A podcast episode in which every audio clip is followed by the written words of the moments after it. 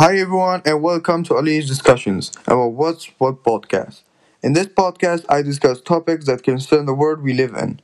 Don't forget to follow me on Instagram, AEDs, and today I want to talk about a documentary that I have seen called He Named Me Malala. It was about Malala's fight for the girls in Pakistan to have the right to an education, and what Malala and her father did for the girls to educate, and how Malala defined terrorism.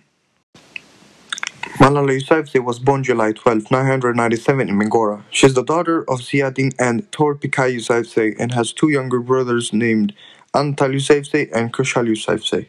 Malala's father, Ziauddin Yousafzai, was a teacher of Shawal School in Pakistan and educated girls. He was also a poet and speaker and protested against the Taliban's opposition to the education rights of girls, especially for Pakistani girls. He also created a school for young girls.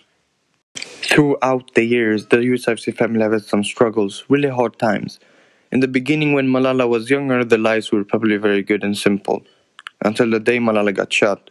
When her family heard the bad news, imagine their reaction, especially when they heard Malala. Of course, she was the one they changed the most things in the family. But of course, that will be a very big struggle for the family.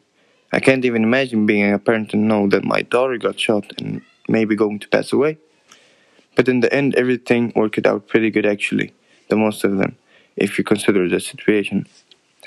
In 2014, when the family moved out to England, there was another struggling too, and a good thing at the same time, and also made some problems.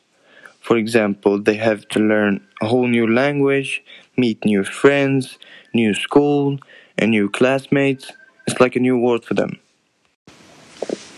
Malala Yousafzai is an intense impact for girls' education in Pakistan. She spoke up for the girls so they can have the right to educate. With her influence, she eventually became a target of the Taliban for advocating girls' education.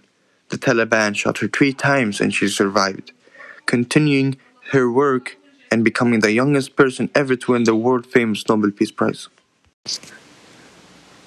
Malala worked with some countries so the girls can have the right for education. Those countries are Afghanistan, Brazil, Ethiopia, India, Lebanon, Nigeria, Pakistan, and Turkey.